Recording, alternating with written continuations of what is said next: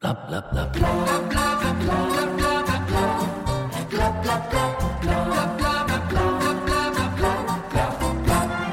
har de så utrolig stygg natur her på Sørlandet? Jan Zahl skal egenhendig bestemme hvem som skal i regjering, siden de bare vi skal prøve å finne ut av det sjøl. Janne har fått seg et nytt favorittland og en litt broket historie. Og Harald har altså møtt tre av sine største helter.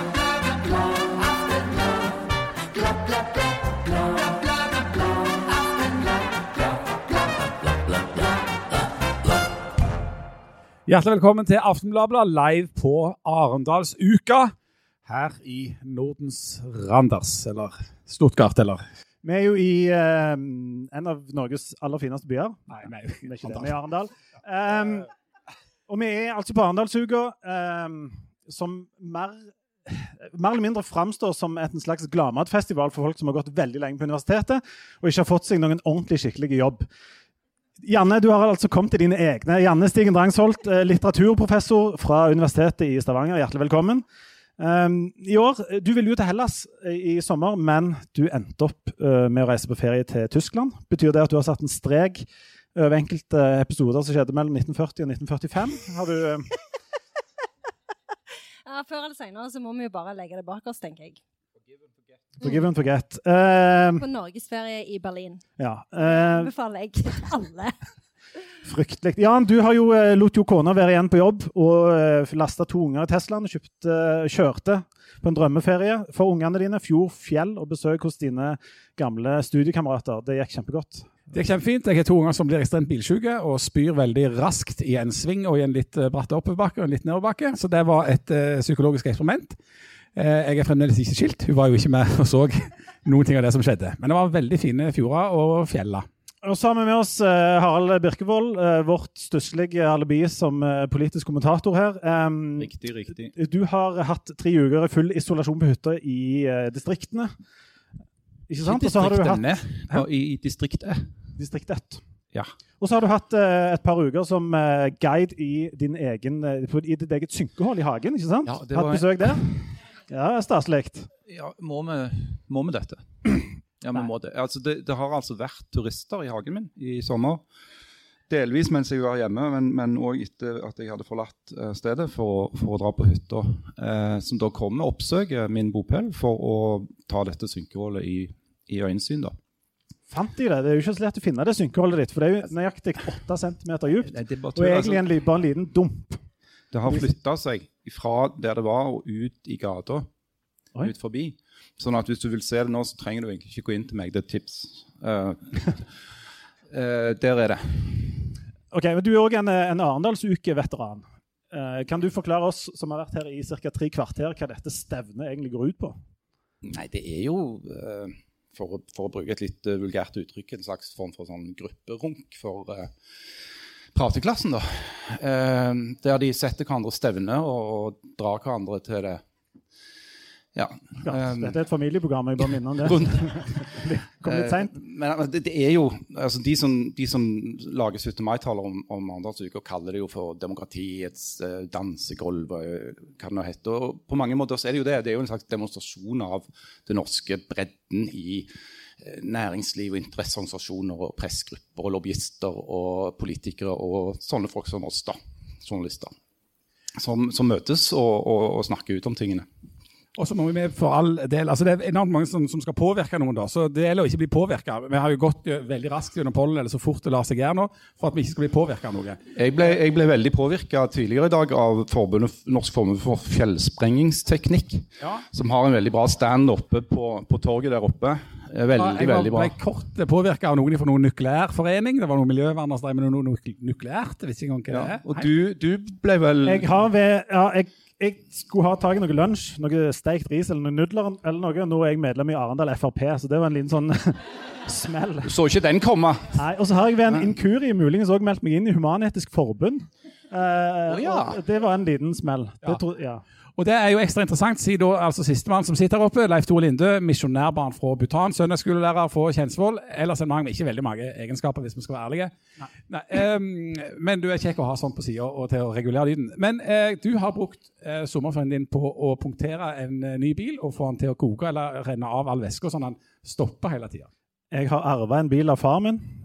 Og for å si det sånn, Hvis faren spør om du har lyst til å arve en bil, så kan jeg fortelle i timevis om det etterpå, og svaret ditt bør være nei. Så Leif Tore, Leif Tore brukte 20 timer fra Stavanger til Arendal i går. Jeg måtte fylle vann og noe blått på den bilen for hver 13. km. Men det, det, gikk for så vidt. Jeg, jeg, kom meg ned her, og så har jeg jo forstått på dere som har vært her før, at uh, um, dere har snakket om Øystein Djupedal voldsomt. Det er, ikke, jeg, det er ikke jeg som snakket om Øystein Djupedal, men jeg satt på med Harald Birkevold. Og Harald Birkevold, det er jo ikke å ta i å si at du er en sur mann. Og eh, fem timer med en ganske sånn grunnsur type eh, gjennom den sørlandske naturen ned mot her, det var Hva for en natur? Ja, sant, og det er nettopp det. Han er klagt og emja seg over hvor utrolig stygg natur det er. Det er jo egentlig ikke natur, det er jo bare en slags, det er noen slags skog. ja. Også, men da, akkurat den naturen som er rett utenfor vinduet her, den passerer. For det er noe sjø og noe fjord. Ja, det er noe sjø og noe greier. Men alt det andre det er jo meningsløst. Men Øystein Jeg vil ikke si at det er skog engang, det er mer som et par som kratt. Ja, et slags overvokst Ja. kratt. Men Øystein Djupedal og vi skulle snakke om Øystein nå Djupedal jeg spurte om. Det var veldig fint dette med kratt og skog, for så vidt, og mye informativt der. Jeg skjønner jo at dere har høy utdannelse. Men Øystein Djupedal eh, har jeg hørt er nummer tre her på Sørlandet etter Kaptein Sabeltann og, Og Julius. Aben Julius. Og så er det Øystein Djupedal. Det er riktig, det. Ja. Selv om jeg mener Jesus burde vært inne der. Men jeg har skjønt at det er Nei, men, men altså, Jesus kom jo inn i det bildet at uh, Djupedal må jo være en gudbenåda lobbyist. Han har altså klart å legge dette stevnet til en by som ikke har omtrent kommunikasjon med omverdenen, med mindre du har bil. Eh, hvor det ikke er hoteller. Eh, og, og i det hele tatt, altså det, det, er en, det, er en, lobbyistbragd som Norge knapt har sett maken til. Å få lagt Arendalsuka til nettopp Arendal. okay. Du mener, mener det er flott at Arendalsuka ligger nettopp i Arendal? Ja, for Hvis ikke så ville han jo Grimstad, Han kunne jo vært i Grimstad, f.eks. Men du Harald, hva, hva er det som er hensikten med å gå rundt og vase, vase i disse teltene og få brosjyrer og buttons og, og vafler og sånt? Jeg aner ikke. Men, Jeg men sa altså at det, Hensikten var at du kom inn i sammen, sånne sammenhenger der det var du som ble påspandert, og at det ikke var du som måtte spandere. ja, men det, ja det, og det er noe som du lærer deg etter et par år kanskje her nede. At det, er visse ting du skal unngå, og det er jo å bli sittende fast med folk som forventer at du spanderer. Eh, nå, er det jo held, nå er det jo heldigvis sånn at det er veldig få eh, som forventer at journalister spanderer. Eh, men det er fortsatt noen. De må du passe deg for. Hvem er det jeg vil ha konkret navn? så jeg vet ikke... Nei, altså Det er lavere funksjonærer. Enkelte av de mer eh, liksom, eh, kan si, blue collar eh, fagforbundene. Unngå de for enhver pris. Eh, egentlig alle lavtlønnsyrker. Eh, det du skal gjøre, du skal gå på dette Reiersen, eh, gjerne sånn på, altså når, når, når de er på stigende rus etter klokka 22.30 ca. 23. Eh, og så må du altså, som et helt absolutt minimum ikke gå lenger ned enn statssekretær. Det, du begynner der. Personlig, altså, personlig rådgiver, statssekretær, politisk altså Det nivået der og opp. Og dette ligner jo gjerne, hvis vi skal være ærlige, på en litteraturfestival. For der er det, jo, det er det viktigste på litteraturfestival òg, som jo du elsker overalt på jord. Siden du elsker eh, marginale britiske poeter ingen noensinne har hørt om.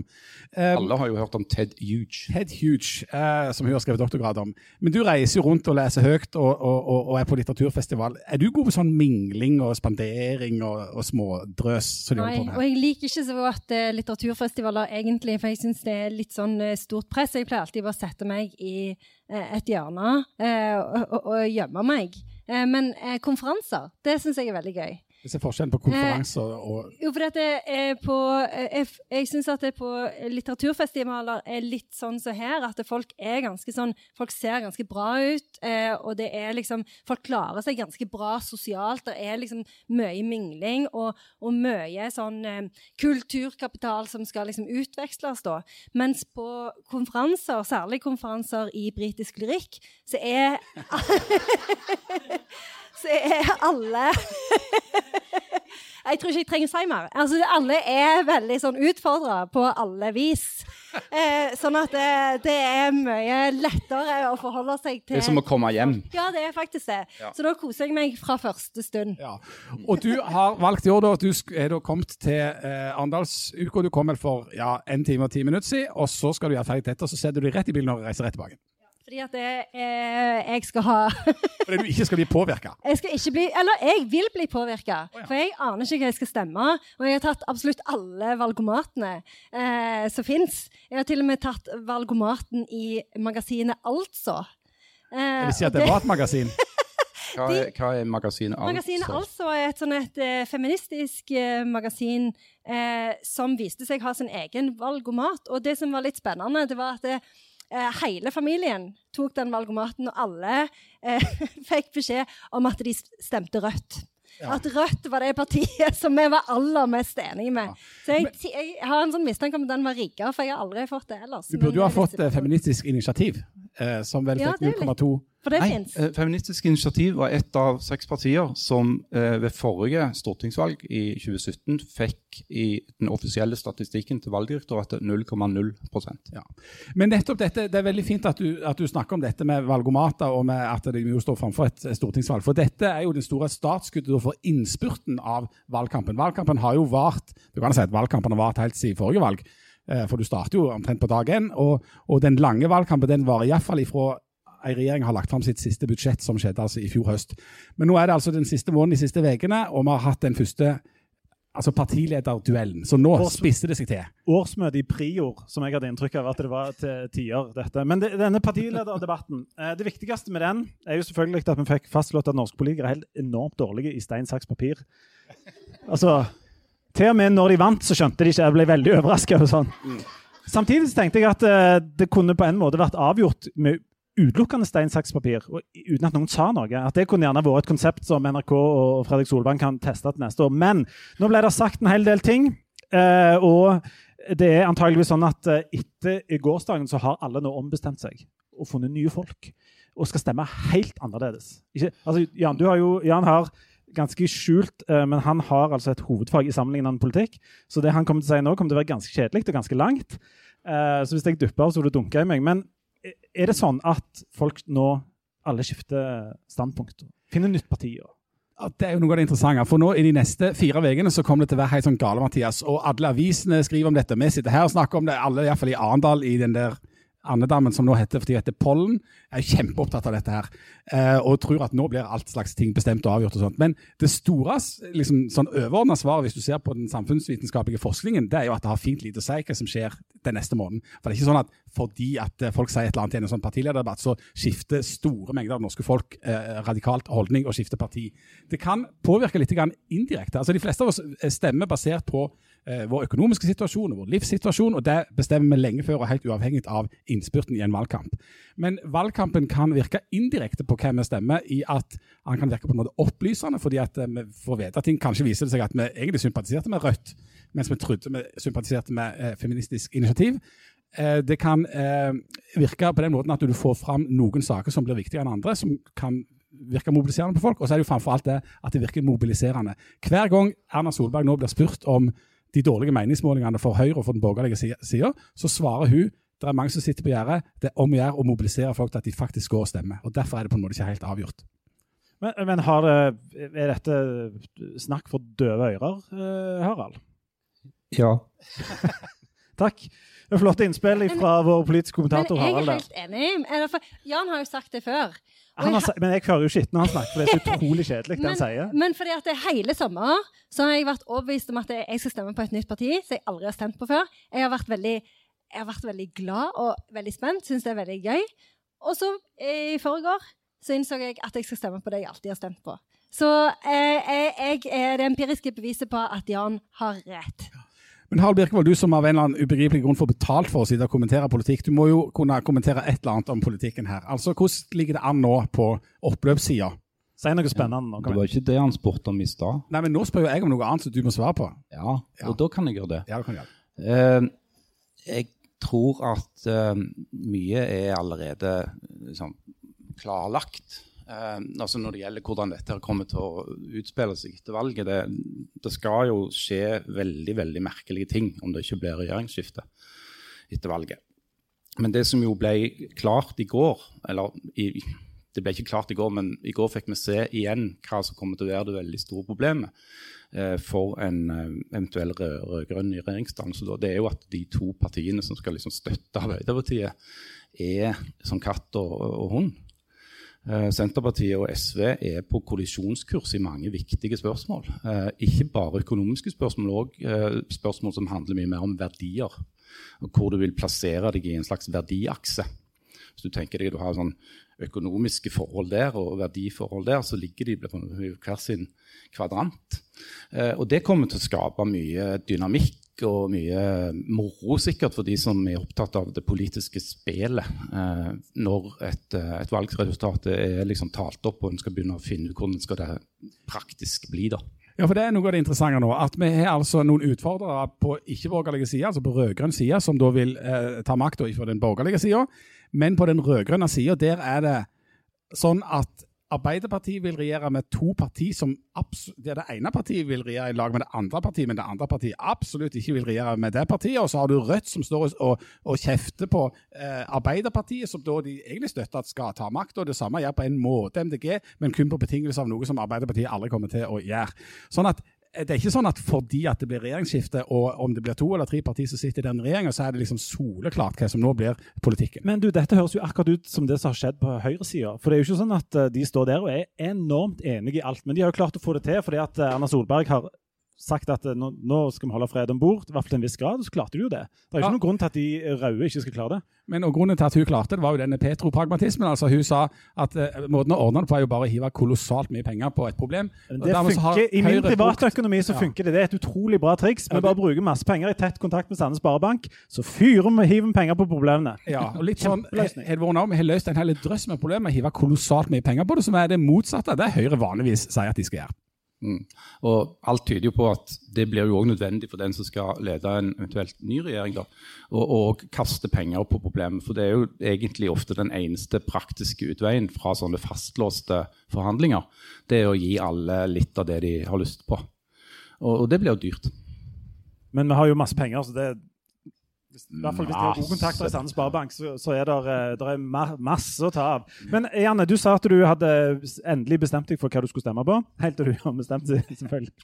Hva, hva, er det som til slutt kommer til å avgjøre hva det er du faktisk stemmer på? Én um, sak. Det er jo ikke én sak. Det er, mange, er, det like, er, det like, Er det, liker du den du ser? Hva er det som mm, Ja, det er kanskje um, jeg, jeg, vet ikke. Jeg tenker Jeg, jeg hadde jo veldig lyst til å um, vise som en kvinne av folket at jeg syns miljøet var veldig viktig. Uh, så jeg eh, tenkte at jeg skulle stemme et Et, et miljøparti som du ikke vil si hva var? Oh, parti som er opptatt av miljø, ja. ja. Eh, men så ble jeg veldig usikker på om det var riktig for meg som kvinne og folk å gå over til et parti som bare kjemper for én ting. Så da gikk jeg over til mitt gamle parti, som òg er veldig opptatt av miljø men som òg har mange ting. For Janne Stigen Brangsholt er i ferd med å hoppe fra Senterpartiet til Frp. Og kultur, som jeg er veldig opptatt av. men, men f.eks. miljø og klima seiler jo opp.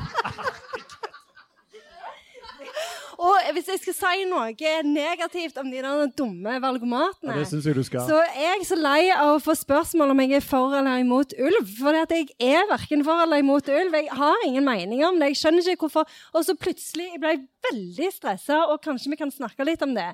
For det som jeg har blitt veldig stressa av i sommer Jeg tipper at vi må det, snakke litt om ja. det. Hvorfor er det så mye prat om EØS-avtalen plutselig? Det for, kan jeg ikke forstå. Er vi imot EØS-avtalen? For det er den viktigste avtalen Norge har. Ja, men Hvorfor er noen imot den? Det, ja, det er et godt spørsmål. Hvorfor vil noen parti Hvorfor, er noen, hvorfor hater noen på For jeg, jeg hørte, for jeg hører jo alltid på P2. Um, og da var det snakk om at det, noen hata EØS fordi at de syntes at brexit hadde gått så bra. Og da ble jeg kjempeforvirra. Jo, men hør, hør nå. Hør, hør, hør, Det går fint an å være imot EØS-avtalen f.eks. fordi du tror det går an å få en bedre avtale. Det er ikke noe, det er ikke noe crazy med det, liksom. Folk tror på julenissen, og de tror også på Gud. Ja. Så folk tror på alt slags forskjellig. Men hvis du hadde lest ikke bare britisk marginal poesi, men òg meningsmålinger, så ville du sett at de tre partiene som er mest i vekst nå, som er Rødt og MDG og Senterpartiet, de er vel alle særdeles skeptiske ja, MDG hadde noe EØS-politikk, men i hvert fall Rødt og Senterpartiet er jo meget skeptiske til EØS. EØS, Ja, de hater. EØS Ja. overalt på jord. Så de vil fjerne det. Men, men miljø og klima er jo interessant eh, fordi at alle partier, det viste også denne partilederdebatten, på, liksom, på både den borgerlige sida og på den andre sida, nei, ikke sosialistisk, rød-grønn, Kom- Kommunistisk side. Kommunistisk side. så var det sånn at alle partier minus ett markerte seg som at de er opptatt av miljøet. Altså, men men på, på den borgerlige sida er det altså Frp som står for noe helt annet og virkelig sånn aparte, mens på den andre sida er det Senterpartiet som, som kjører en annen greie som ligner mest på det som Frp holder på med. Mm. Sånn at det er ikke noen sånn samstemthet på hver side av Nei, men så merker vi òg, selvfølgelig, og det syns jeg det er grunn til å gjøre, at både Senterpartiet og Fremskrittspartiet de sier jo selvfølgelig er de òg opptatt av miljøet og klima og de, de der. De vil bare ikke ha noe virkemiddel. Nei, eller at de vil ha andre virkemidler. Er Sånn så Lysthaug i går var jo veldig opptatt av dette med at det er mer effektivt å kjøpe eh, kvoter i utlandet for å løse eh, regnskapet her i lille Norge. Og det kan jo sånn, rent sånn logisk sett godt være at det er sant.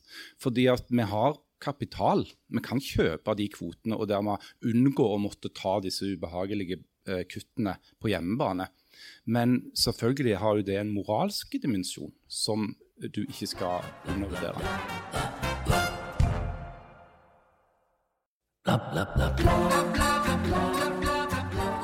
Altså, vi er jo rike. Eller Janne er rike. Ja, eller Janne er rike. Og Janne er nokså rik, og du har skilt deg så mange ganger at du kunne vært rik. Men um, Og du har et sånn Erna Solberg-aktig forhold til penger, så du er jo ganske helt på grensen til fattig. jeg gir jo alltid kollekt. jeg, Så det, det går sikkert til noen fattige unger en eller annen plass, håper jeg. Men um, vi, kan- vi kan kjøpe oss ut av ganske, ganske mye, rett og slett fordi vi har penger. Så, så trikset der er da å Hvis vi bare betaler de fattige for å fortsatt være fattige, så kan vi slippe unna. Er det omtrent sånn eh, det regnestykket skal gå opp, da? Ja, og Det er nøyaktig det samme regnestykket som den rike delen av verden har presentert for den ikke fullt så rike delen av verden. Eh, når, når samtalene begynte globalt om en klimaavtale, back when, så var jo eh, det første budskapet som kom, det var jo fra liksom, oss til liksom, Kina og India. Liksom, å, å, å, brems, brems, brems. Dere kan ikke få den velstandsutviklingen vi har hatt, fordi at det vil ta knekken på eh, kloden. Og da var jo svaret selvfølgelig fra den tredje verden, fra disse store nasjonene, det var at ikke tale om. Vi aksepterer ikke en sånn logikk i det hele tatt.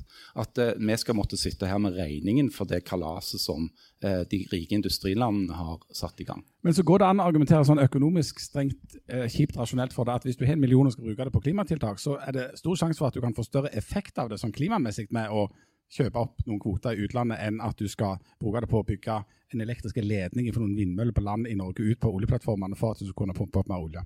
Når når jeg så denne partilederdebatten, så fikk jeg et slags inntrykk av at disse miljøtiltakene som de fleste da er for, å si at vi må, ha, vi må gjøre en del ting. Fordi at eh, denne klimarapporten sier at vi, vi faktisk må det. Vi har ikke noe valg. Vi må. Men samtidig så er det en slags konkurranse i å eh, ikke gjøre minst mulig, men at det ikke skal ramme i alle fall ikke oss eller noen grupper på noe. Det, det var en merkelig sånn dytting av penger og tiltak rundt med at det virker som om alle til slutt skulle gå vi skal, vi skal ta, gjøre alle klimatiltak i Norge, og så skal alle få 8000 inn på konto hver måned. Eller en eller annen sånn type. Mm. Jeg, jeg skjønner ikke helt hvordan det greiene der går Nei, opp. det, det forvirrer meg òg. når, når de liksom, politikerne kappes om å si ja, vi skal ha kraftfulle tiltak, men vi skal skjerme alle som blir ramma av tiltakene. Uh, ok. Um, og så Til slutt så er det jo Moxnes nå, så i Rødt som oppklarer hele greiene for han sier at det er Stein Erik Hagen som skal betale. All, ja. Så da var jo det greit. Også, og, og, men så, Skal, skal, vi skal kutte en milliard tonn CO2 med at han slutter å fly fra Holmenkollen og ned til et eller annet. Kragerø og, det, og det var jo noe av det så rare som oppsto der. Det var noen sånne, sånne grupper eller noen sånne, sånn folkemasser av folk som jeg ikke var klar over. For det første var alle de titusenvis eller millionene som flyr da i privatjet fra Oslo til Kragerø. Jeg vet ikke hvor mange de er, og hvor mye de da kan finansiere. Det andre var oss. Jeg vet ikke om er vi er med fra distriktene. For i dette Så panelet så var folk de Ja, grader! det er det. Er fra distriktene. jeg er fra Stavanger, det er jo en slags by.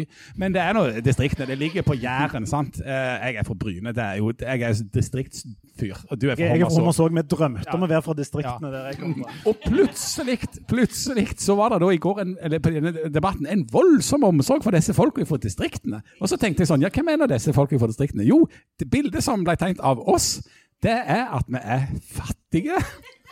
Og så at vi pendler noe kolossalt. For vi må få tilbake sånn pendlerfradrag etter at vi har kjørt en enorme dieselbil som vi kjører kjempelangt med for å komme på jobb. Så oss er det kolossalt synd. Det det høres ut som, det er at folk fra distriktene det er folk som bor i Suldal, og så jobber de i Forsand, og så må de kjøre om Moi for å komme på, på jobb hver dag. Det, var det, det er liksom det bildet. Mange som har det Ja. sånn. Og de skal i hvert fall ikke bli ramma, samtidig som de som bor i byene, ikke skal bli ramma. Eller de fattige, eller de rike som, har, eh, som sørger for at vi, med fattiglus har, eh, har jobb. Nei, det- det- ikke, det er ingen som skal rammes. Nei, det er Stein Erik Hagen.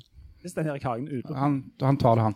Ok, Men tilbake til, til distriktene, da. Eh, vi som kommer fra jeg skal si dette veldig lavt, siden det er veldig u, det er egentlig ikke lov å si jeg har fått beskjed av Næringsforeningen i Stavanger å ikke si dette høyt. Men vi kommer jo ifra oljehovedstaden Stavanger.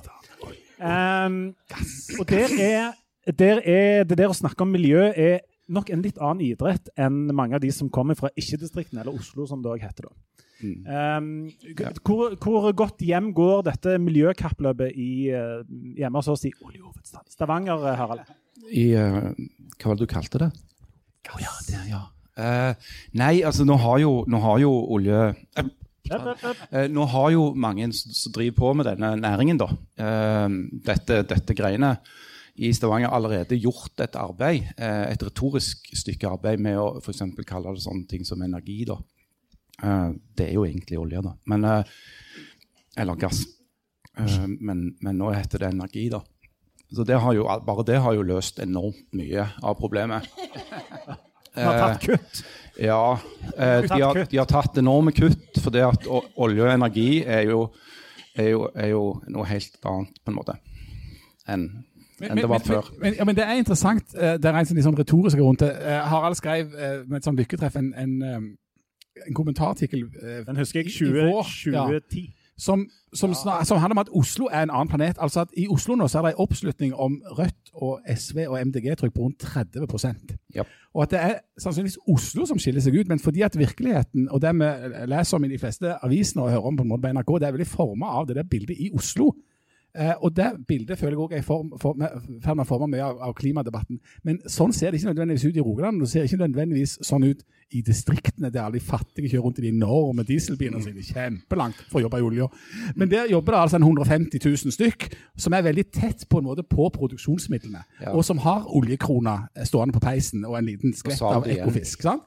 Og har et veldig konkret og direkte forhold til hva olje og gass og dette energi betyr for vår helt sånn konkrete velferd. Og Der tror jeg ikke det flyr så veldig godt å si at du skal legge ned dette i 2030. Nei, men, men det som du òg har da, der borte, som de driver på med, med det der greiene, så er det òg, iallfall mitt klare inntrykk, eh, mye mer teknologioptimisme.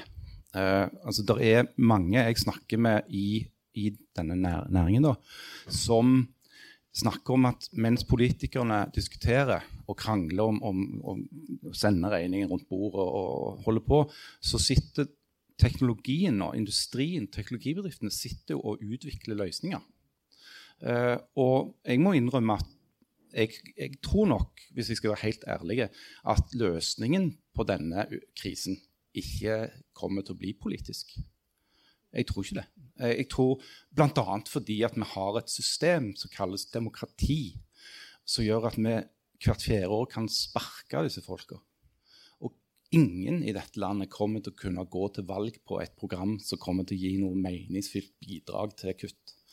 Det er det næringen sjøl som kommer til å gjøre, og endringer i markedet. Når eh, oljeselskapene oppdager at ingen vil kjøpe produktene deres lenger, da kommer innovasjonen. Men de, må, men de må jo innovere før det. Nå sitter vi da altså i Erendal, eh, Nordens Randers, som jo en gang var kjent som en seilskutehovedstad. Og har noe til felles med Stavanger. fordi at Stavanger har hatt en sånn økonomi som har vært rett til topps når det var noe sild. Eh, rett til topps når- ja, sånn, fram til det ikke var mer sild igjen. Rett til topps når det var seilskutetid, eh, og en voldsom økonomi der. Og så rett i dass når alt dette slutter. Um, det var Sild ja. i olja, og så bare Ja, men, men, det er jo for seint å begynne å finne på hva vi skal gjøre for noe annet når det ikke er mer sild igjen, eller når eh, dampskipene har kommet, og når ingen vil ha olje. Sånn at en, en, må jo holde på med noe av denne innovasjonen nå. Og det er det jo en vilje til og en kompetanse til. Det er jo en haugavis med innovasjon. Så den demoniseringa av denne oljebransjen er kanskje Jeg lurer på hvordan det føles i oljebransjen. Jeg òg. Eller jeg vet det jo egentlig, for jeg snakker jo med folk der.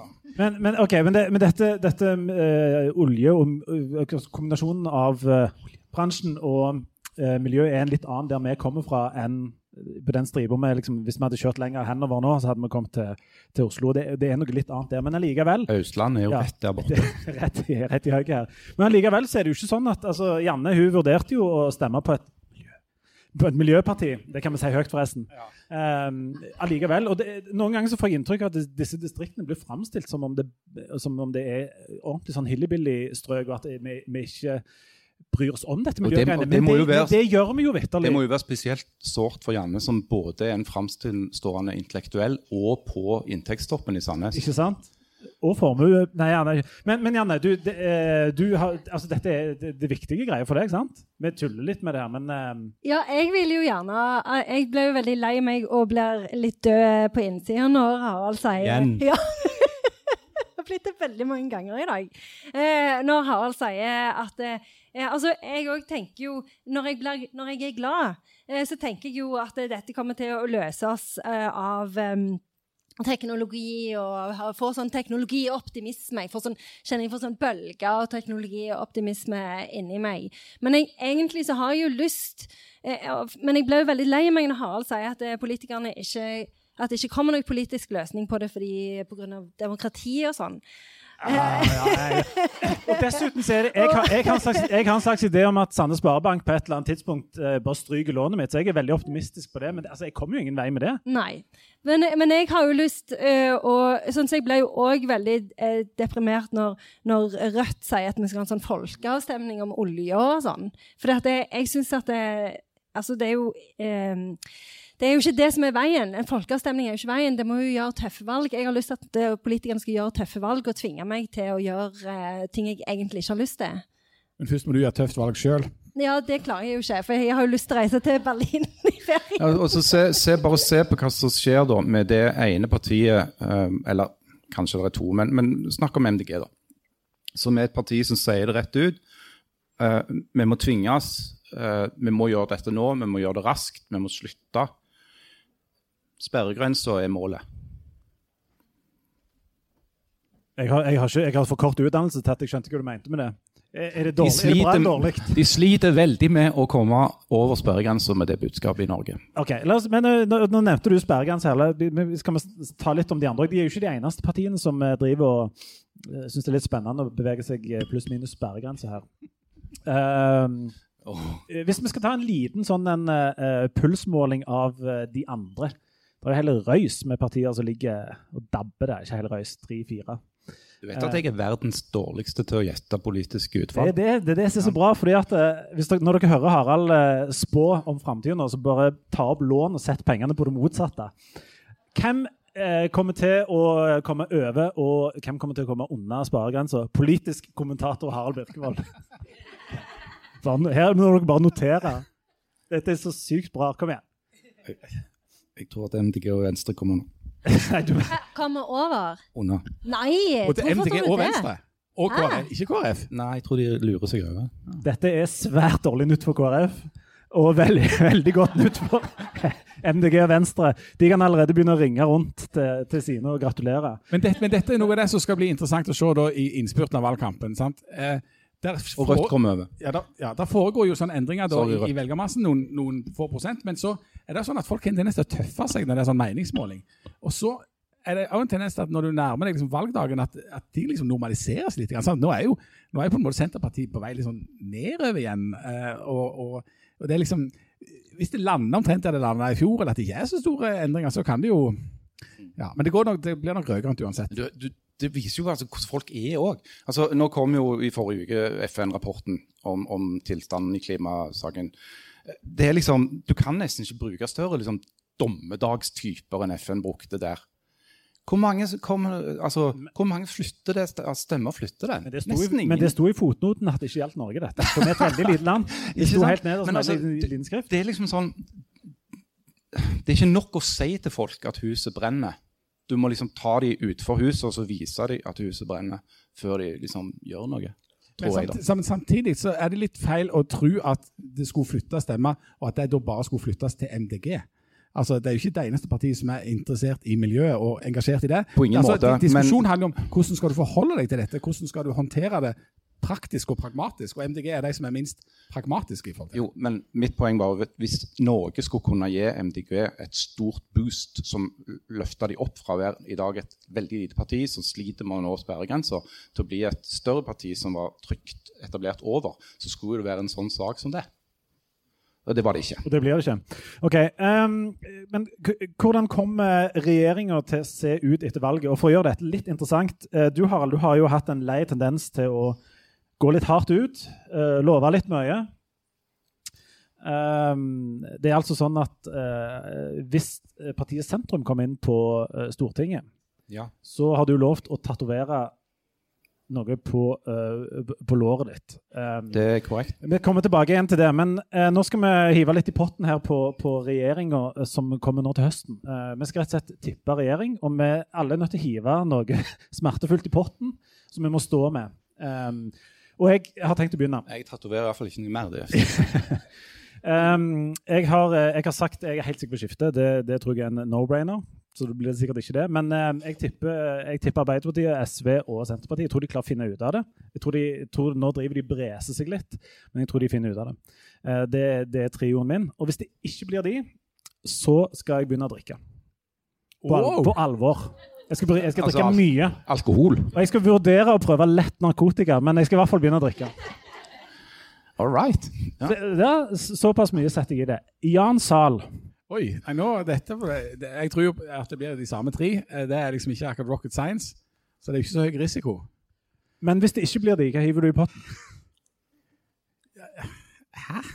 Trenger du, for, trenger du forslag? Trenger forslag. Hvis, hvis det ikke blir de tre partiene, så kommer Jan til å klippe håret sitt eh, tre millimeter. Nei, det skal jeg ikke gjøre. Jo. Nei, det skal jeg ikke gjøre. Da får du tenke Nei, Da får jeg begynne med narkotika. Heller det. OK, da er vi to. Da, ja, da har vi spikra det. Janne Stigen Rangsholt. Jeg vet jo ikke hvem som kommer i regjering. Men du kan en del partier, sant? Ja, jeg kan ja, Høyre og venstre. Og si noen. Ja, jeg tror de tre som dere sa. Oh. Eh, og så hvis, hvis det ikke blir de, så skal jeg begynne også På alle møtene på universitetet så skal jeg begynne å si ting. For hver sak så skal jeg si noe og komme med et innspill. Du skal tegne deg hele tiden. Ja, ja, bidra ja, på bidra og si masse, sånn at møtene blir lenger. Mye lenger. Harald, du har jo, ehm, du har jo bodd høyt før. Jeg vet ikke hvordan det ender, men eh, her er, du ender nå i en slags dobbeltbudkamp her nå. Ja, nei, Først vil jeg ha dine, din regjering. Altså, hvis du vil ha hva jeg tror, så tror jeg jo det samme som dere Ja. tror. For det, er- altså, det er jo bare å se på. Jeg òg er her. Jeg Ja. med tre. Du trodde òg du òg det? Jeg syns du sa noe annet. Nei, du sa det der med ja, OK, da er vi fire. Jeg tror det samme som dere. For at tallene er jo de de er. Uh, og hvis det ikke blir sånn, så skal jeg kutte litt ned på narkotika.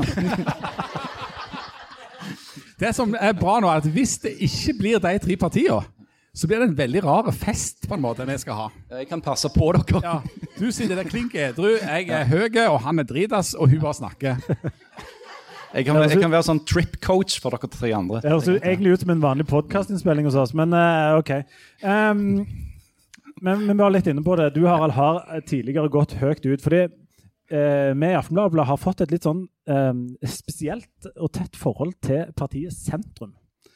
Eh, og det er, en, det er en lang historie uh, som begynte med at uh, vi skulle snakke om jeg tror det var de andre, eller noe sånt. Ja, De som ikke var liksom De som ikke var de etablerte partiene. Og så begynte vi å snakke om DD-partiet til sønnen til Kjell Magne Bondevik. Og så var det ingen av oss husket hva han hette, så vi bestemte bare at han har ikke et eget navn. Han heter bare sønnen til Kjell Magne Bondevik. Bondevik, da. Ja, for Sønnen til Kjell Magne Bondevik det er fornavnet nødvendigvis, og så er jo Bondevik det er etternavnet. Så leder, altså denne sentrumsrepresentanten, han heter Sønnen til Kjell Magne Bondevik Bondevik. ja. Og Han har òg en sønn som driver Ungesentrum, og han heter da Sønn til sønn til Kjell Magne Bondevik, Bondevik, Bondevik. Nemlig.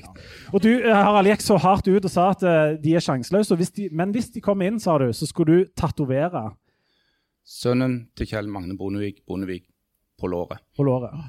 Dette har kommet partiet Sentrum for øyre, sånn at vi har da utvikla en slags sånn symbiose med partiet Sentrum. Eh, og de òg legger ting i potten. sånn at hvis de nå kommer på tinget, så skal, eh, som en slags takk for at du skal tatovere sønnen til Kjell Magne Bondevik Bondevik på låret, Geir Lippestad og sønnen til Kjell Magne Bondevik Bondevik kommer syklende over fjellet til Stavanger og lager pizza til oss. Men ikke sånn kristenpizza i langpanna med tjukke bånd. Og osten oppå. Ordentlig, ordentlig Det skal være ordentlig pizza. Men jeg, altså, dette har blitt en sånn, ei- litt sånn ei greie for oss. Eh, og det har, det har jo òg ført til at i alle fall meg og Janne kommer til å stemme på sentrum. Uavhengig av om vi er enige med dem, men vi skal ha den tatoveringen som du skal ha. Og den skal være såpass langt opp på låret at det er litt sånn eh, Det er ikke helst der du vil ha en tatovering kanskje av det.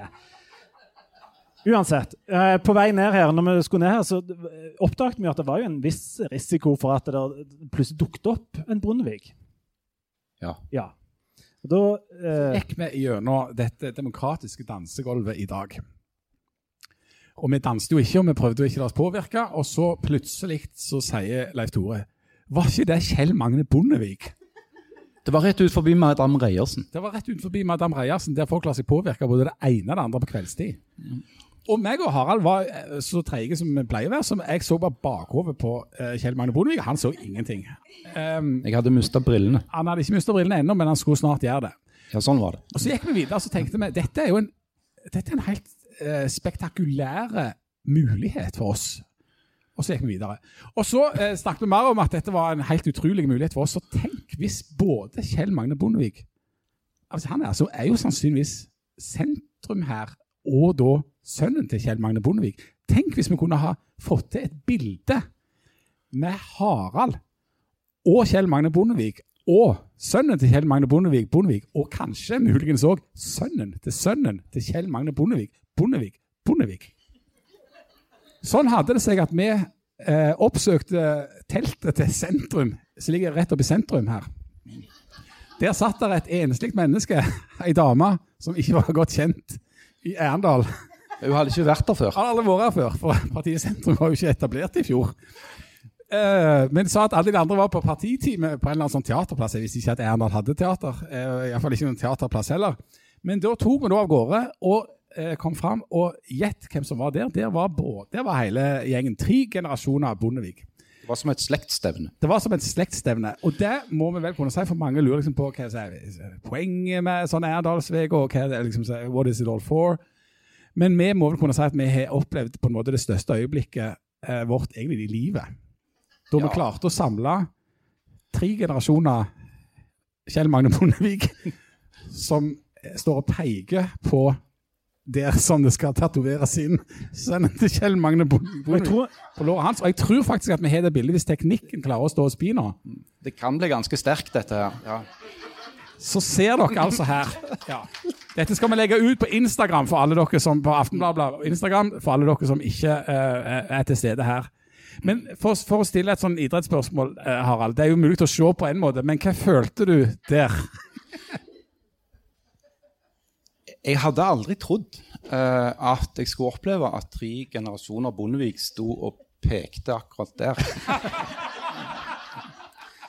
Men uh, altså det er jo sånne, sånne små svinger som livet har å by på, da.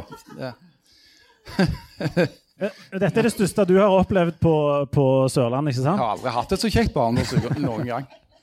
Uh, Janne, du har, hvordan, hvordan er dine opplevelser på Sørlandet? Du har, eh, hadde en ikke så hyggelig opplevelse her, hadde du ikke det? Du, du skulle kjøre til Sørlandet en gang og fikk høre om en litteraturkritikk. Å, herlighet. Å, det hadde jeg klart å fortrenge. Ja. men Å, vår, det var helt grusomt. Jeg hadde... vår jobb er jo å holde deg nede, så fortell den historien. Ja, jeg hadde gitt ut min første roman. Jeg var veldig fornøyd, syntes den var kjempebra. Gleder meg til jeg skulle få gode anmeldelser. Eh, og så var vi på, Jeg har svigerforeldre som bor i Kristiansand. Og så var vi på vei hjem fra et helgebesøk søndag morgen. Og så ringte svogeren min, og så sa han 'Går det bra med deg?' Og så sa jeg ja, det går kjempebra med meg. OK. Og så, ble, og så var han sånn Ja, du har ikke lest Aftenposten? og det hadde jeg ikke, men da kjørte vi innom eh, stasjon, som ligger rett utenfor Kristiansand. Kjøpte Aftenposten. Så at jeg ble slakta av Evida Kvarshaug. Eh, jeg syntes alt var dårlig med boka mi. Jeg grein i bilen helt hjem til Sandnes. Og den dag i dag, eh, når jeg kjører forbi den eh, bensinstasjonen, så får jeg vondt i magen og blir kvalm. Hyggelig. Ja. Blir du Det litt død inni deg? Dør du litt inni deg? Eh, ja. Ja. Det er det blir Sørland. Du, Jan, det er din Det beste var jo ikke Sørlandet sin feil, da. Det var jo Vidar Kvalshaug sin feil. Sin Ikke sin feil heller. Nei, ikke sant? Det lå jo der. Og jeg kan si at min beste, eh, uten å gå i detalj, og i og med at dette er et familieprogram, så kan jeg eh, si at jeg har to unger. Den ene er un... Selvfølgelig ikke sagt. Den ene er Husker du hva de heter? Nei, jo, jeg husker hva de heter. Men eh, den ene ble, ble, ble uh, unnfanga på et litt trangt toalett i Spania, mens den andre ble unnfanga på Sørlandet. Så jeg har hyggelige minner herfra. Og du, Jan? Jeg har ingen min- minne fra Sørlandet. Jeg forbinder det kun med å ta Hirtshals Sverige og sånn blodtidlig en eller annen, en eller annen morgen da jeg var unge. Akkurat. Det er det du har fra Sørlandet. Det er det jeg har fra Du, vi, eh, vi skal eh, nå gi oss. Um, eh, hyggelig å, å se dere alle her. Um, etter oss kommer altså Aftenpodden. Det er en podkast fra innerst i Oslo. altså Så langt fra distriktene som du bare kan komme. Snakker veldig rar dialekt, men vi skal be dem om å snakke veldig seint.